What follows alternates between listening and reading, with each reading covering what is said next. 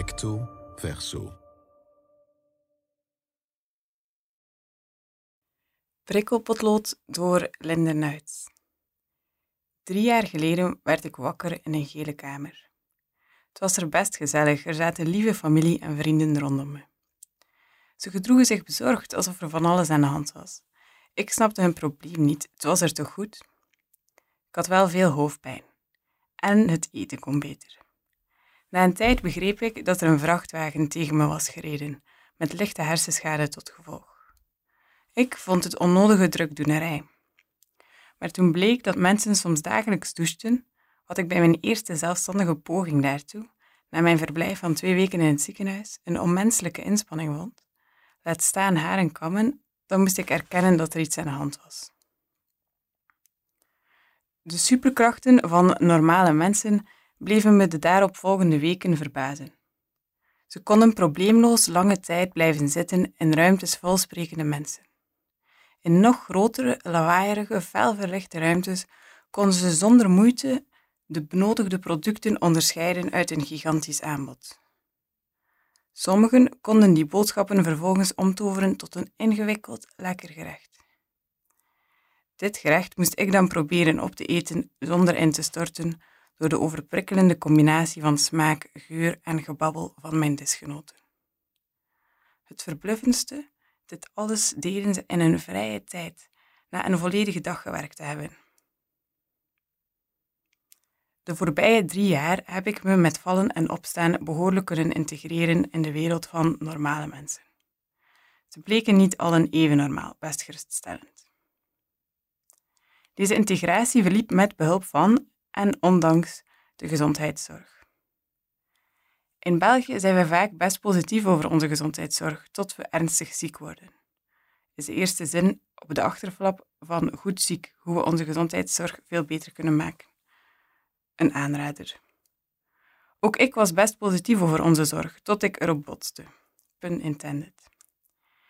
Toen ik daar in mijn gele kamertje begon in te zien dat er een kloof gaapte tussen mezelf en de normale mensen, was ik er wel gerust op. Het goed uitgeruste Belgische zorgsysteem zou me opvangen. Maar er was meer systeem dan zorg. In het eerste half jaar kwam ik nauwelijks aan mijn doctoraat toe, door cognitieve problemen, maar evengoed door administratieve overlast die het ongeval met zich meebracht. Ik moest zelf goede medische specialisten zoeken en coördineren. Een kluwen van verzekeringen, rechtsbijstand en advocaten ontwarren om alles terugbetaald te krijgen. Met het ziekenfonds communiceren, een statuut voor deeltijd werken creëren in een job waar dat statuut ontbreekt en telkens opnieuw, nogal vernederend, mijn letsels bewijzen aan verzekeringsambtenaren die worden betaald om mijn schade te minimaliseren.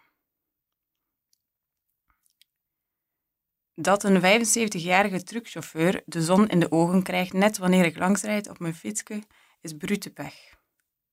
Dat een verkeersslachtoffer door bergen administratie en bewijsnoden nog dieper in de put geduwd wordt, is geen pech, maar institutioneel onrecht. Wanneer het me te veel wordt, teken ik nogal schetsmatig de dingen van me af. Ik teken over de pijnlijke administratieve rompslomp, over afscheid van drukkere toekomststromen, afscheid van de vanzelfsprekende energie waarmee ik vroeger door het leven huppelde, van hot naar haar reisde, op café ging, meer hobbyleraren had dan dokters. Ik teken over mijn vereenzamende jaloersheid op de vrijheid waarmee velen ronddartelen, zonder zich van dit voorrecht bewust te zijn. Ze kunnen zomaar mensen ontmoeten, converseren, muziek beluisteren, een film kijken, zonder zorgvuldig energie te moeten sparen. Ik teken over prikkeling, de mentale kortsluiting, instorting, stuurloosheid die mijn bewustzijn soms dagenlang gevangen houdt, wanneer mijn hersenen overbelast zijn. Ik teken die dingen therapeutisch van me af, weg uit mijn systeem. Het gekke kopvoetertje waarmee ik mezelf soms voorstel, mag nu mijn lasten dragen. De tekeningen bleken ook de beste manier om te delen wat er allemaal gebeurt in en rond mijn hoofd. Woorden zijn stille gestandaardiseerde letterhopen die pas na harde cognitieve inspanning tot leven komen, met moeite gewaarwordingen benaderen. Tekeningen spreken voor zich, als uitspattingen van mijn werkelijkheid. Bio. Linde Nuits, 1994, werkt aan een doctoraat over middeleeuwse politieke liederen. Daarnaast tekent ze graag en speelt en luistert muziek.